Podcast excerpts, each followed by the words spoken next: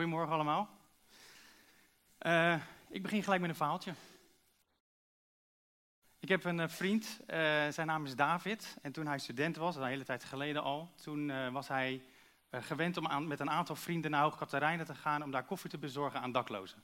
Natuurlijk heel mooi en dat deed hij met een groepje van vijf of zes. En um, als het koud was, dan neemt groot, nam hij een grote pan soep mee en koffie en broodjes vaak voor ze. En had vaak goede gesprekken met ze.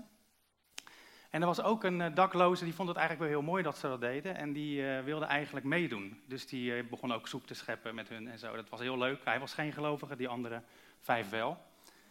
En op een gegeven moment toen was het koud. En toen dacht David van, weet je, ik, ik heb goede handschoenen nodig. Dus hij was de stad in gegaan en had hele goede handschoenen gekocht. Een beetje dure. We hadden het er laatst nog over dat het echt hele goede waren van leer met ademend en waterafstotend.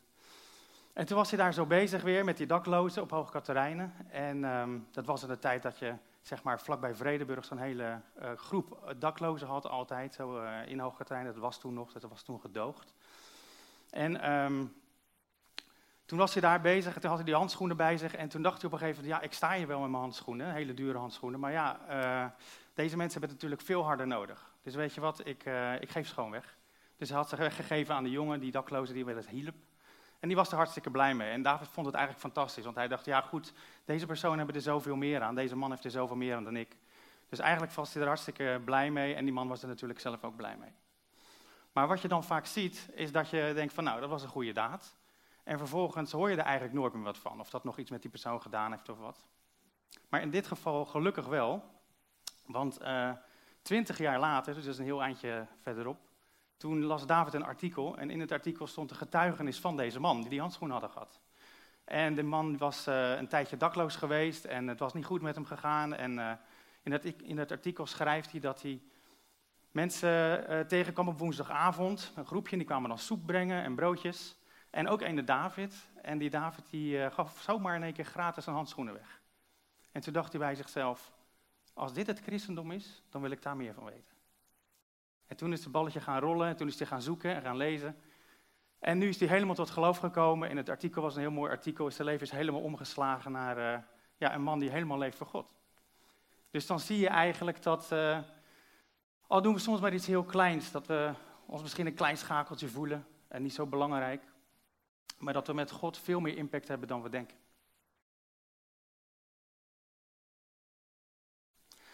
Goed, waarom deze titel? Ik kom straks nog even op dat verhaaltje terug.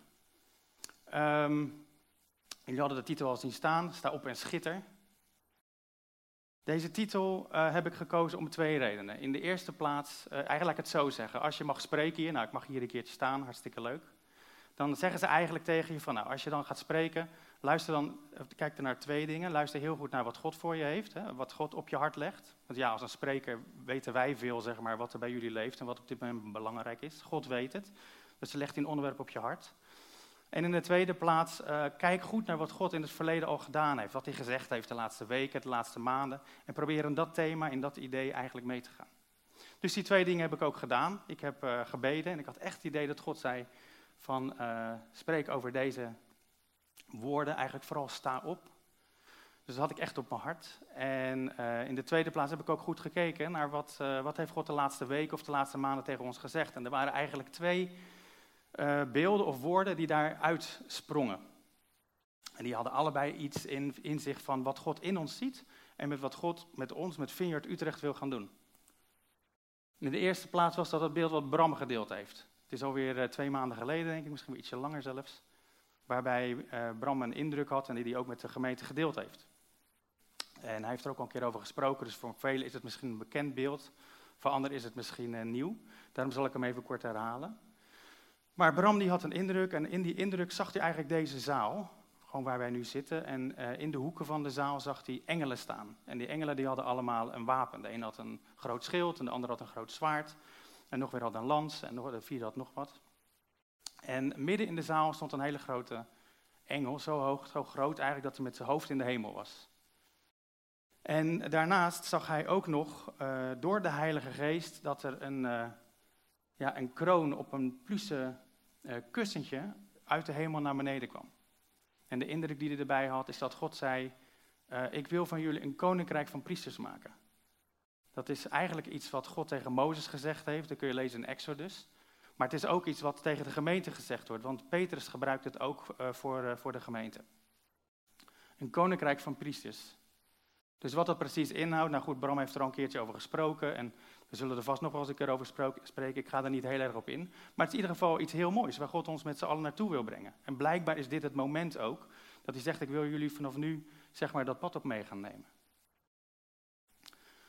In de dienst dat hij dat beeld deelde met ons, um, had hij ook gezegd van jongens, laten we met elkaar ook even luisteren. Dus toen zijn we gewoon zeven minuten stil geweest om te luisteren of God misschien nog iets aanvullends hierop wilde zeggen. En toen zijn er verschillende indrukken geweest en ik had zelf ook een indruk en ik vond het eigenlijk wel goed om die indruk ook uh, nu weer te delen. En misschien weten mensen het nog, dit was het eindplaatje. Maar ik zag, uh, terwijl ik mijn ogen dicht deed, zag ik ook de zaal. En ik zag uh, hier zo, zeg maar, eigenlijk waar die groene tafel staat, zag ik een man liggen. Uh, van een meter of drie. en dan alleen een skelet. Dus het was ook een beetje luguber. Ik denk, hé, hey, wat is dat? En dat skelet dat ging rechtop zitten en bleef toen zo, zo zitten. En toen vroeg ik aan God, ik zeg, heer, is dit van u? Want ik vond het niet een heel gezellig beeld, zeg maar. En um, die man uh, die bleef er zitten. En ik moest, op dat moment toen ik dat vroeg, moest ik direct denken aan het uh, stukje van Ezekiel. Er staat in Ezekiel 37. Dan uh, krijgt hij ook een visioen, zeg maar. En dan ziet hij een dal vol met doodsbeenderen liggen. En dan zegt God tegen hem van profeteerde tegen dat ze opstaan. Hè? En nou, dat doet hij en dan staan ze op en dan wordt het eigenlijk een heel leger met soldaten. Dus ik dacht eraan, ik denk nou, als deze man gaat zitten, zo in mijn beeld, dan laat ik dat ook maar vragen dan. Dus ik vroeg God of, of hij deze man, die dan misschien voor onze gemeente staat, of hij die rechtop wilde zetten. En ik deed mijn ogen weer dicht om te kijken of eh, de God er iets op zou zeggen. En ik zag, daarna zag ik allemaal beelden van een sterke soldaat die uh, rechtop gezet was, die tot leven was gekomen. Ik zag eerst zijn been, het was een soort eh, bodybuilderbeen, zeg maar, met uh, licht bruine kleding had hij aan, met allemaal gouden borduursels erop. Ik zag daarna zijn riem en er hingen wapens aan. En daarna zag ik ook een zwaard, en die was eigenlijk vrij klein, maar die ging groeien tot wel een meter lang. Vervolgens zag ik ook dat hij uh, in zijn hand een gouden bol had. En aan die bol een uh, lange gouden lans eigenlijk, met een grote wapperende witte vlag. En als laatste zag ik zijn gezicht en zijn helm. En dat was, zeg maar, dat heb ik later even gegoogeld. Zag er precies uh, zo uit. Zo'n Romeinse soldaat eigenlijk, met zo'n helm op. En dan zo'n rode tooi. En dat is eigenlijk het teken van een generaal, dus de hoogste in rang in het leger. En uh, daar wordt natuurlijk in de Bijbel ook over gesproken. Ik geloof Paulus zegt dat tegen Timotheus, van strijd als een soldaat, want je bevelhebber moet tevreden over je zijn. En we kennen het misschien wel uit Efeze 6, het stukje dat heet uh, de wapenrusting. Hè, van trek je, trek je wapenrusting aan en um, de helm van het heil en de gordel van de waarheid, dat soort dingen. Dus er wordt al een aantal keer in de Bijbel gesproken over uh, ja, dat, hij, dat hij ons ook ziet als een, of wil zien als een soldaat die overwint. Dus zowel een koning, uh, als zowel een priester, als zowel eigenlijk een soldaat die overwint. En uh, ja, dat vind ik gewoon mooi. Ik denk dat God in ieder geval hiermee zegt dat hij heel ambitieus met ons is. Ik denk dat hij ons echt op pad wil nemen naar een, ja, naar een plek waar we veel meer autoriteit hebben dan nu. Ik heb er een uh, smiley bij gezet voor de gezelligheid. Omdat het ook een beetje spannend kan zijn, zeggen, wat gaat God nou precies doen? Maar ik denk dat het gewoon zo'n liefdevol hart is wat God met ons wil, van plan is. Ik denk, ik uh, noem daarbij eventjes nog twee teksten, want dat opstaan, is dat nou wat God tegen ons zegt alleen? Uh, nou, ik kan er gelijk al op zeggen, nee, dat zegt God eigenlijk voortdurend. Je ziet in het Oude Testament, zie je het behoorlijk vaak dat God het zegt. In het Nieuwe Testament zie je het ook. Uh, niet altijd met de woorden opstaan, maar wel met iets in de zin van kies voor mij en ga ervoor, zal ik maar zeggen.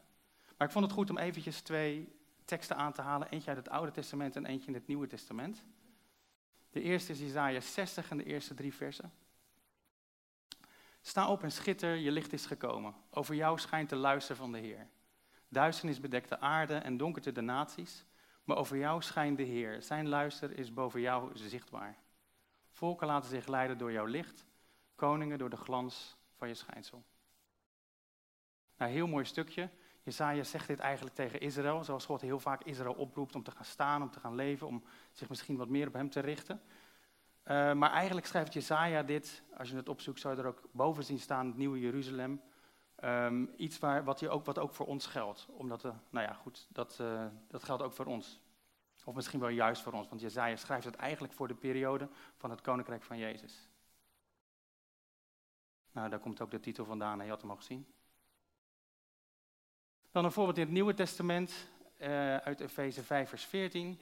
Daar zegt uh, Paulus tegen de gemeente van Efeze: uh, Ontwaak uit uw slaap, sta op uit de dood en Christus zal over u stralen.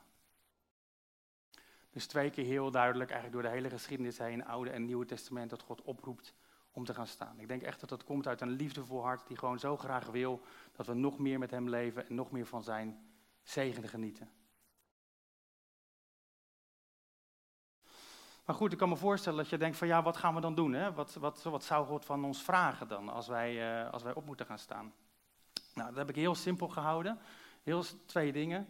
Uh, stop met wat niet goed is. En uh, ga doen wat wel goed is. En de eerste, stop met wat niet goed is. Nou ja, daar kun je een hele preek of prekenserie aan wijken. Dat we kunnen onderzoeken hè, wat, wat dan niet goed zou zitten in ons leven of zo. Daar wil ik me niet zo op richten. Ik leg me liever op puntje 2, doen wat wel goed is. Maar um, ik denk wel dat, uh, dat God van ons vraagt om over ons leven na te denken en te kijken waar is ons leven grijs. Weet je, er zijn best wel gebieden die zwart zijn en waar we dan niet graag aan werken of wat al jaren een probleem is of moeilijk is. Dat, is, dat kost misschien tijd. Gedeeltes zijn wit, maar er zijn ook gedeeltes die zijn grijs. En daar zegt God eigenlijk van, stop ermee. Ik heb er een tekst bij gevonden uh, van de, schrijver aan de Hebreeënbrief, of de, van de Hebreeënbrief. Er staat, laten wij afleggen alle lasten en zonden die ons zo licht in de weg staat. Ik denk dat er soms dingen in ons leven zijn die, ja, waarvan we denken het is niet goed, maar ja, het is ook niet echt heel slecht of zo en dat laten we dan maar bestaan. Maar ik denk dat God ons echt oproept om, uh, om gewoon te stoppen met dat soort dingen. En uh, deed me ook een beetje denken aan het, het stof van je kleren schudden, zou ik maar zeggen. Het is er zomaar vanaf. Maar goed, zoals ik al zei, de kleine dingen, maar zoals ik al zei, de, ik richt me liever op de, op de goede dingen. En daar schrijft Paulus aan de Thessalonicense: Doe het goede zonder op te geven. En ik denk dat daar ontzettend veel kracht in zit. Ik denk dat we ons heel vaak vergisten. We willen graag uh, bijvoorbeeld uh, mensen genezen, of in dat ze in de geest vallen, of dat we misschien wel een dode opwekken, of misschien iets groots organiseren, een of ander event, of weet ik wat we willen doen als christen. Maar ik denk dat er heel veel kracht zit in de hele simpele kleine dingen. Van een compliment tot eventjes iemand ergens mee helpen. Gewoon vriendelijk zijn. Gods natuur of de natuur van Jezus uitstralen. Ik denk dat het zo ontzettend belangrijk is om, uh, om klein te beginnen. Aan de kleine dingen te denken. Ik denk dat God ons daar echt in uit wil dagen. Ik heb er een groot hart bij gedaan, want ik kan me heel goed voorstellen dat je denkt van, oh, nou moeten we dus heel veel. We moeten dingen niet meer gaan doen en God roept ons op om, moeten we wel dingen gaan doen. Maar ik denk eigenlijk dat, dat God zegt, uh, ik heb alleen maar heel groot hart voor jullie. Ik heb gewoon verlangen dat jullie meer leven en dat ik jullie meer kan geven. Dat jullie meer van mij gaan zien. Dus zie het niet als een soort van wet. Het is echt uit de passie van Gods hart dat hij ons oproept om verder te komen. Goed, uh, dan uh, nog een verhaal. Ik had een tijdje geleden, uh, zat ik over mezelf na te denken en toen ervaarde ik een beetje dat ik een beetje tweeslachtig was.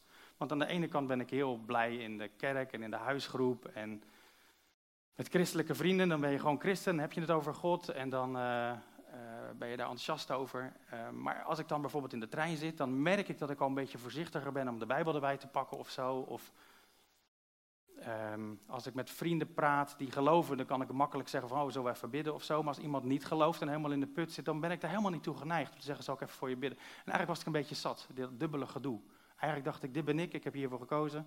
En ik wil uh, gewoon altijd zijn wie ik ben. Dus ik wil eigenlijk leren om ook gewoon over God te spreken met, met mensen die hem niet kennen. Als het er niet uitkomt of als, er geen, als ik niet in de kerk ben. En dat had ik aan God voorgelegd. En toen uh, denk ik dat God daarop geantwoord heeft met het volgende verhaaltje. Het uh, verhaaltje van Thomas. Wij hadden een eh, week of vijf geleden hadden we een familiereunie en uh, daar moeten we allemaal wat meenemen. Dus sommige mensen moesten dan uh, salades maken en anderen moesten wijn meebrengen en anderen weer fris en ik moest noten meenemen. Dus ik was naar de Albert Heijn gegaan en ik had een grote tas noten gekocht. En ik was naar het station gegaan, want ik zou met de trein naar de familiereunie en ik had de tas naast me neergezet. En op een gegeven moment kwam de trein en ik ben de trein ingestapt en toen ik in de trein zat dacht ik, waar is die tas met noten? Dus die stond nog keurig netjes zo alleen en verlaten op het perron. Dus ik heb de trein uh, uitgestapt, ik, ben, ik heb een trein teruggenomen, een beetje uit het raampje gekeken, zou die er nog staan? Nou, stond er nog. En uh, er was ook een man bij, En eh, dat was ook een beetje een dakloze type, had ik het gevoel van. Dus toen dacht ik nog, van oh moet ik snel zijn, anders rent hij er nog mee weg. dus, uh, maar hij, ik, het was niet zo, ik stapte uit en uh, ik ging naast mijn tas staan en die man stond twee meter verder en, en die had hem niet meegenomen. Maar toen stond ik zo naast hem en toen kwam hij wel naar me toe. Hij zegt, is die tas van jou? Ik zeg, ja, die, die is van mij. Ik zeg, ik was hem vergeten en ik was met de trein, ik ben helemaal teruggekomen en nu heb ik hem weer. En zegt, hij zegt, oh, nou heb je geluk dat hij nog staat. En we kregen zo'n beetje een kletspraatje. Dat was eigenlijk een hele makkelijke, gezellige man. Dus we raakten zo met elkaar aan de praat. En toen ik een tijdje met hem aan het praten was, toen uh, zag ik dat zijn oog helemaal rood was. Zijn rechteroog, zeg maar, waar, waar bij ons wit is, zou ik maar zeggen, was een van zijn ogen was dus helemaal rood. En dat zei ik ook tegen hem. Ik zeg, meneer, uh, uw, hij was een jaar of zestig of zo. Ik zeg, meneer, uw oog is helemaal rood. En hij zegt, ja, zegt hij, ja, er is wel meer mis met mij. Ik zeg, oh, wat dan? Hij zegt, nou, ik heb ook hartstikke pijn in mijn rug en zo. Ik zeg, oh, nou, dat is niet zo mooi. Is er nog meer mis? En toen zei hij, hij zegt, waarom zou je dat willen weten? En toen kwam er een heel mooi christelijk antwoord. Ik weet niet hoe ik daarmee kwam, maar ik zei van, nou, ik geloof in, uh, in God en dat hij ons kent en dat hij voor ons zorgt en dat hij van ons houdt. En dat is ook met u. En dan zijn we soms wel eens geneigd om te vragen hoe het met andere mensen gaat. Dus zo eigenlijk uh, vroeg, wilde ik, vroeg ik dat aan u. En zei hij, oh, nou oké. En toen begon hij te vertellen en hij ehm, ja, begon eigenlijk een heel droevig verhaal te vertellen over hoe het ging in zijn, in zijn leven en in zijn werk en zijn gezinssituatie thuis. En het was echt heel naar en eigenlijk uh, pakte hij er een, zakdoek bij en begon hij te huilen en best wel een beetje hard, want uh, niet hard qua volume, maar de druppels die vielen op het perron. En ik raakte eigenlijk een beetje bewogen om. Ik dacht, alle mensen, hoe kan het naar gaan met iemand? Hè? Dat je zeg maar, dat zoveel zeg maar, qua gezondheid en qua sociale leven, dat het in één keer zo, zo, uh, zo slecht kan zijn. Ik heb op, Google even gekeken, hij zag er ongeveer zo uit. Dichterbij kon ik niet komen. Maar ik was dus wel een beetje bewogen om geraakt. Ik dacht van ja, uh, die man die heeft gewoon zoveel pijn en ellende in zijn leven. En hij vertelt dat ook zomaar. En uh, ik dacht, ik ga, ik ga gewoon met hem over God spreken. Dus ik zeg, nou, ik zeg, meneer, ik geloof, in, ik geloof in God en ik geloof dat hij mij helemaal kent, maar ik geloof ook dat hij u helemaal kent. En ik geloof dat hij uw situatie helemaal kent. En ik geloof ook dat God niet wil dat het zo, dat het zo moeizaam gaat en dat u pijn heeft en dat dingen ja, ellendig verlopen en zo. Dus uh, ja, zegt hij, ja, dat, uh, dat geloof ik allemaal niet hoor. Hij uh, noem mij maar ongelovige Thomas. Ik zeg, oh, oké. Ik zeg, maar ja, ik geloof het wel echt en ik zou eigenlijk ik dacht, ik pak nu even door. Ik, zou ook wel voor u willen bidden. dus toen, uh, hij zegt, nou, uh, goed. Dus ik had uh, mijn hand op zijn schouder gelegd, zoals het een beetje gewend zijn. En ik heb gewoon voor hem gebeden dat, dat hij vrede zou krijgen in zijn hart. Dat hij zou zien dat God er echt is. Dat hij zou ervaren dat God hem helemaal kent en hem ook wil zegenen. En en terwijl ik zo bezig was, toen dacht ik van, uh, ja, uh, hij heeft ook een rood oog en pijn in zijn rug. Ik denk, dat doen we ook direct. Dus ik zeg, uh, oog, rood oog wees genezen en rug wees genezen. En nou, toen was ik eigenlijk een beetje klaar met mijn gebed. En ehm, nou, hij bedankte me eigenlijk heel vriendelijk. En toen kwam de trein eraan. En toen maakte eigenlijk een beetje zo'n beweging van, nou, zoals je met de trein wel eens een beetje meeloopt als hij als de deuren niet echt voor je neus open gaan. Dus ik liep ook een beetje met hem mee zo. En toen dacht ik, ja, ik ga het ook niet pushen. Ik ga ook niet met hem meelopen, nog eens naast hem zitten en nog eens als het ware het evangelie vertellen of zo. Ik dacht, volgens mij moet ik het eventjes zo laten. En um, nou, dus hij ging in de trein zitten, ik ging een stukje verderop zitten. En toen dacht ik bij mezelf, uh, had ik een dubbel gevoel. Want aan de ene kant dacht ik, wat gaaf. Ik heb echt gebeden dat, dat ik mijn christen zijn gewoon simpel, gewoon op straat aan iemand kan vertellen en dat ik voor iemand kan bidden. Gewoon zo wil ik, zo wil ik gewoon zijn. En God had dat helemaal zo'n beetje georganiseerd met die tas die ik dan, hè, dat hij even een praatje kwam maken. En er stonden ook geen, normaal staan er twee jongens naast je en een vrouw met een kinderwagen of zo, maar die waren er allemaal niet. Dus ik had echt het perron voor mezelf. ik voelde me daar ook helemaal vrij om gewoon christen te zijn, zeg maar. Dus daar was ik heel blij mee. En uh, dus ik was, heel, ik was eigenlijk heel dankbaar dat God zo heel direct erop gereageerd had. En dat hij eigenlijk een beetje een situatietje voor mij had zo klaargemaakt. Van, je kan je een beetje oefenen. En ik voelde me eigenlijk ook zo vrij, eh, alsof het allemaal makkelijk ging. Maar tegelijkertijd had ik ook een beetje een dubbel gevoel. Want ik denk, ja, dit is een man die echt in de ellende zit. Die, uh, zijn gezondheid gaat achteruit. Hij, uh, zijn, zijn sociale situatie is slecht. De financiële situatie is slecht. Want hij zag er ook qua kleding niet zo goed uit. Dit is echt een beetje een man aan, die aan de grond zit, zeg maar. En ik ben christen en hij, ik bedoel, hij kent God niet en ik kan het evangelie brengen, maar hij komt niet tot geloof. En ik, ik, ik bid voor zijn oog en voor zijn rug, maar ik zie daar geen genezing. Dus ik voelde me ook een beetje een, uh, dat is wel een mooi momentje, maar ik had niet echt het idee dat ik nou wat bereikt had of zo. Dus um, ik zei dat ook eigenlijk tegen God. Ik zeg, heer, wat fijn dat u dit zo, hè, met mijn ogen dicht zo in de trein, uh, van fijn dat u dit zo organiseert en dat ik het zo mag oefenen, dat ik deze dingen mag doen. Maar tegelijkertijd, uh, ja, we bereiken niet zoveel of zo, weet je. Dit kan het niet allemaal zijn.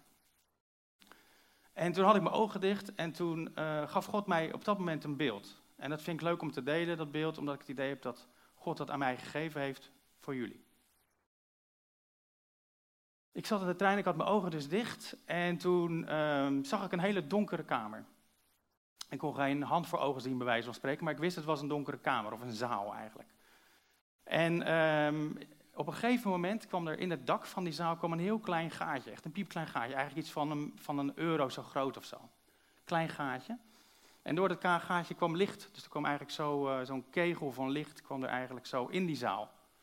En uh, nou, zoals je weet is dan die kegel bovenin, dat is een beetje fel licht. En dan onderin heb je dan een beetje dat zo, uh, een beetje mistig. Ik kan het niet helemaal goed zien. Dus ik keek naar dat onderste gedeelte en daar zag ik mensen lopen. Ik zag een stuk of vijf, zes mensen kon ik zo rondom dat licht een beetje zien. En die waren eigenlijk allemaal heel mager. ze hadden ook wat vodden aan en ik zou ze bijna omschrijven als ze leven wel, maar volgens mij zijn ze dood. zo, zo naar eigenlijk zagen ze er wel uit.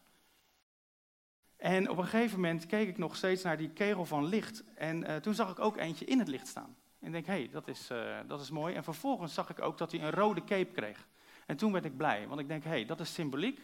Ik denk, daar laat God zien dat hij een cape omkrijgt. Oftewel dat het, dat het bloed van Christus deze man bedekt. Oftewel dat God hem in het koninkrijk gaat brengen. Dus daar was ik super blij om.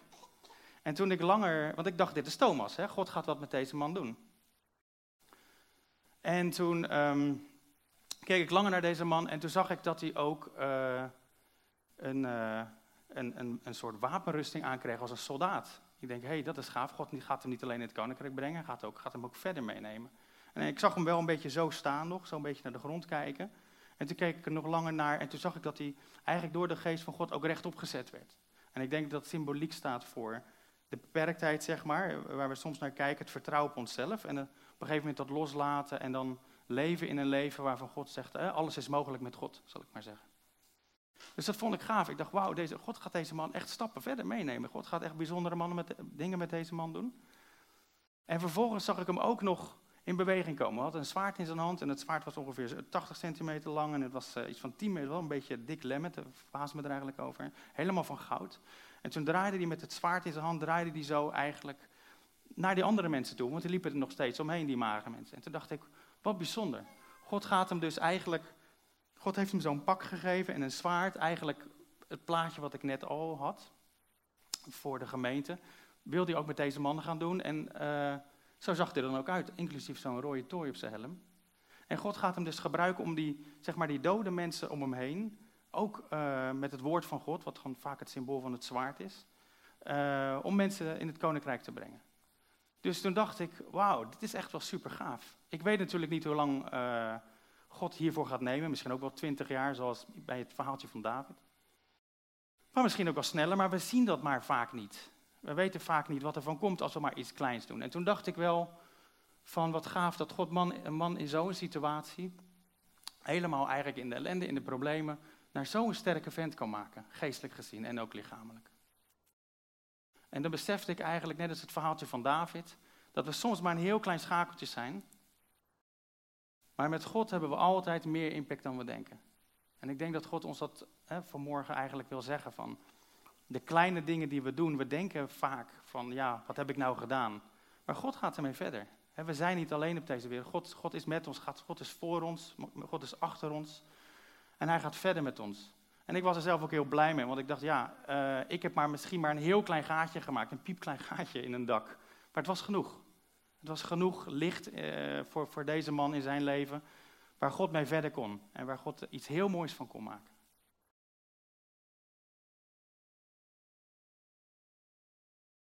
Nou, dan kan ik me voorstellen dat je vraagt van, ja, nou, uh, wat kan ik dan doen? Nou ja, je kunt ook handschoenen kopen en die weggeven natuurlijk. Je kunt ook uh, in gesprek gaan met een collega of met een buurman of iemand waar het niet goed mee gaat. Je kunt een taart bakken voor een buurvrouw die ziek is, ik noem wat geks. Maar er zijn natuurlijk duizenden dingen die we kunnen doen. En ik heb eigenlijk twee dingen waarvan ik denk dat dat is misschien goed om te weten. Ik denk, doe gewoon wat je hand vindt te doen. Ik denk dat er als, we, als wij op andere mensen gericht zijn en we hebben liefde voor andere mensen en we hebben een we kiezen daar bij wijze van spreken vanaf s morgens een beetje voor. Van dat wil ik vandaag gaan doen. Dat we eigenlijk vanzelf wel dingen gaan zien. Doe wat je hand vindt te doen. Dat is een uh, uitspraak van Salomo eigenlijk.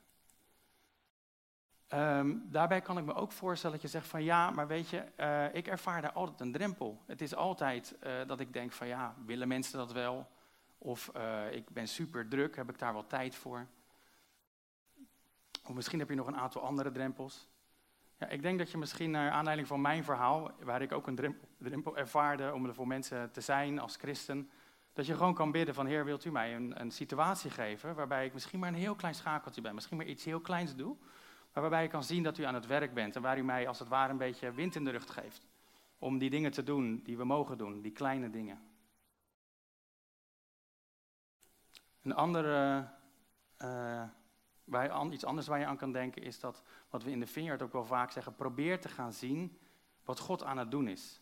God gaat voor ons uit. En er staat in Efeze 2 staat er ook dat God uh, werken voor ons voorbereidt. Dus dat betekent, en ook hele kleine werken, dat kunnen grote werken zijn, maar dat kunnen kleine werken zijn. Dat betekent dat als je ergens komt, bij je collega's of misschien ergens waar je op vakantie bent, dat God daar al voor je uit is gegaan en dat hij al dingen voor je heeft voorbereid. En het is heel mooi, en dat, is niet zo, dat leer je niet binnen een half uurtje of zo, maar ik denk dat het heel mooi is om, te, om dat te gaan herkennen en te gaan zien en daar met God over in gesprek te zijn en dan te weten wat God eigenlijk aan het doen is.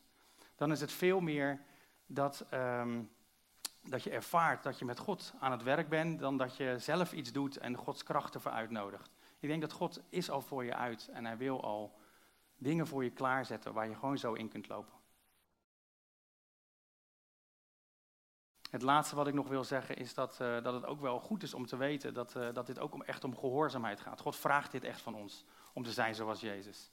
Ik kan me herinneren dat er staat in uh, Johannes 21 dat alle, als alle goede werken van Jezus opgeschreven zouden worden, dan zou de wereld niet groot genoeg zijn om alle boeken te bevatten, zal ik maar zeggen. Dus hij had een lifestyle, een manier van omgaan met mensen waar zoveel goedheid van uitging. En ik denk dat dat heel veel hele kleine dingetjes waren. En ik denk dat, uh, dat, dat hij ons ook oproept. Niet, niet, niet om, uh, omdat we een wet hebben van dat moet je doen, maar dat is het leven. Daar, komen, daar komt uh, de man die de handschoenen van kreeg, kwam daar tot leven. Daar komt de Thomas een stukje van tot leven. Door, doordat wij maar hele kleine dingetjes doen. En het mooie daarbij ook is dat als we zo wandelen, als we echt voortdurend op anderen gericht zijn en met kleine dingetjes de andere mensen zegenen, dat ook wij daardoor gaan leven. Ook wij gaan daardoor genezen.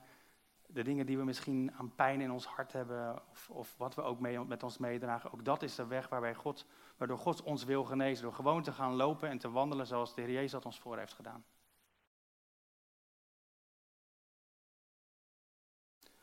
Dus daar eindig ik ook mee. Sta op en schitter. Doe goed.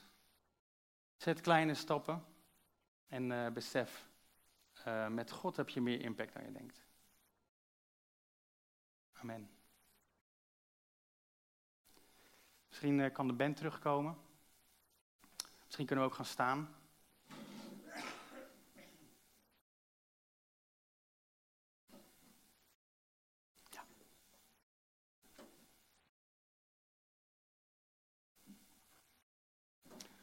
En ik wil even een kort gebed uitspreken eigenlijk. Vader God, we danken u, Heer, dat u uh, zo'n ambitie met ons heeft, Vader. Heer, dat u ons een koninkrijk van priesters wilt maken. Dat u ons overwinnende soldaten wilt maken. Dat u ons wilt herstellen en genezen. En voortdurend vanuit uw hart, vanuit de liefde met ons op pad bent. Om ons te maken zoals uw Zoon, de Heer Jezus Christus. Dank u wel, Vader, dat we altijd mogen weten dat het uw goede hart is. Een hart, vol goed nieuws voor ons. Heer, en we bidden u dat... Uh, als we straks op vakantie zijn, als we misschien bij familie of vrienden zijn, Heer, dat u uh, ja, ons laat zien dat u voor ons uitgaat. Geef gelegenheden, Vader, uh, zodat we uit kunnen stappen uh, met kleine dingetjes. Zodat we kunnen zien dat we met u aan het meebewegen zijn. Wilt u ons over de drempels heen helpen als die er zijn? Vader, wilt u ons zo zegen de komende tijd? En we danken Heer, dat u zo'n goed God voor ons bent. U bent een goed God voor de mensen die we tegenkomen. U bent een goed God voor onszelf. U bent een goed God voor de hele wereld.